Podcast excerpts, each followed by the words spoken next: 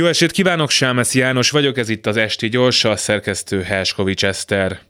Ha Jutka néni nem lenne már nyugdíjas, nagyon örülnék, hogy többet fog keresni. Hogy kap majd levegőt a rezsiszámla böngészése közben, vehet magának havonta két könyvet, és elmehet még nyaralni is. Ákos bácsitól sem sajnálom, Éva nénitől már inkább, de neki is magasabb fizetést kell adni ahhoz, hogy a jövőben inkább Jutka nénik menjenek a tanári pályára a helyet, hogy nem mennek még Éva nénik sem.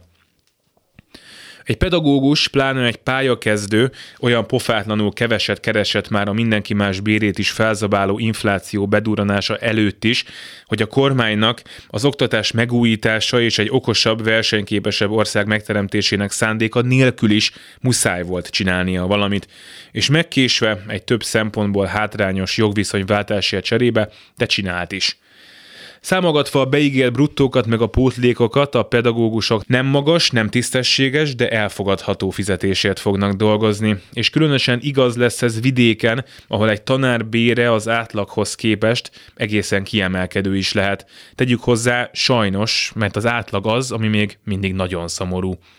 A tüzet talán eloltották, alig ha nem megnő majd a tanári pályára jelentkezők, majd a tanítást elkezdők száma is.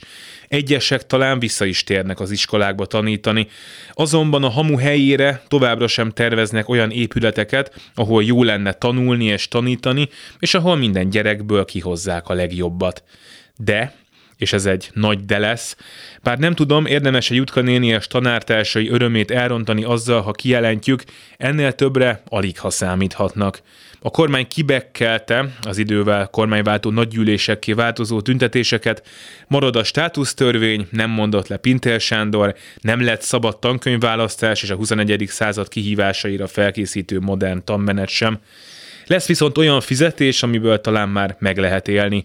Ellenzék meg szakszervezet legyen a talpán, aki a nevére tudja venni ezt az eredményt, és aki többet ígér egy hátrányos helyzetű településen tanító fizika tanárnak, mint amit a kormánytól, az adófizetőktől most megkapott.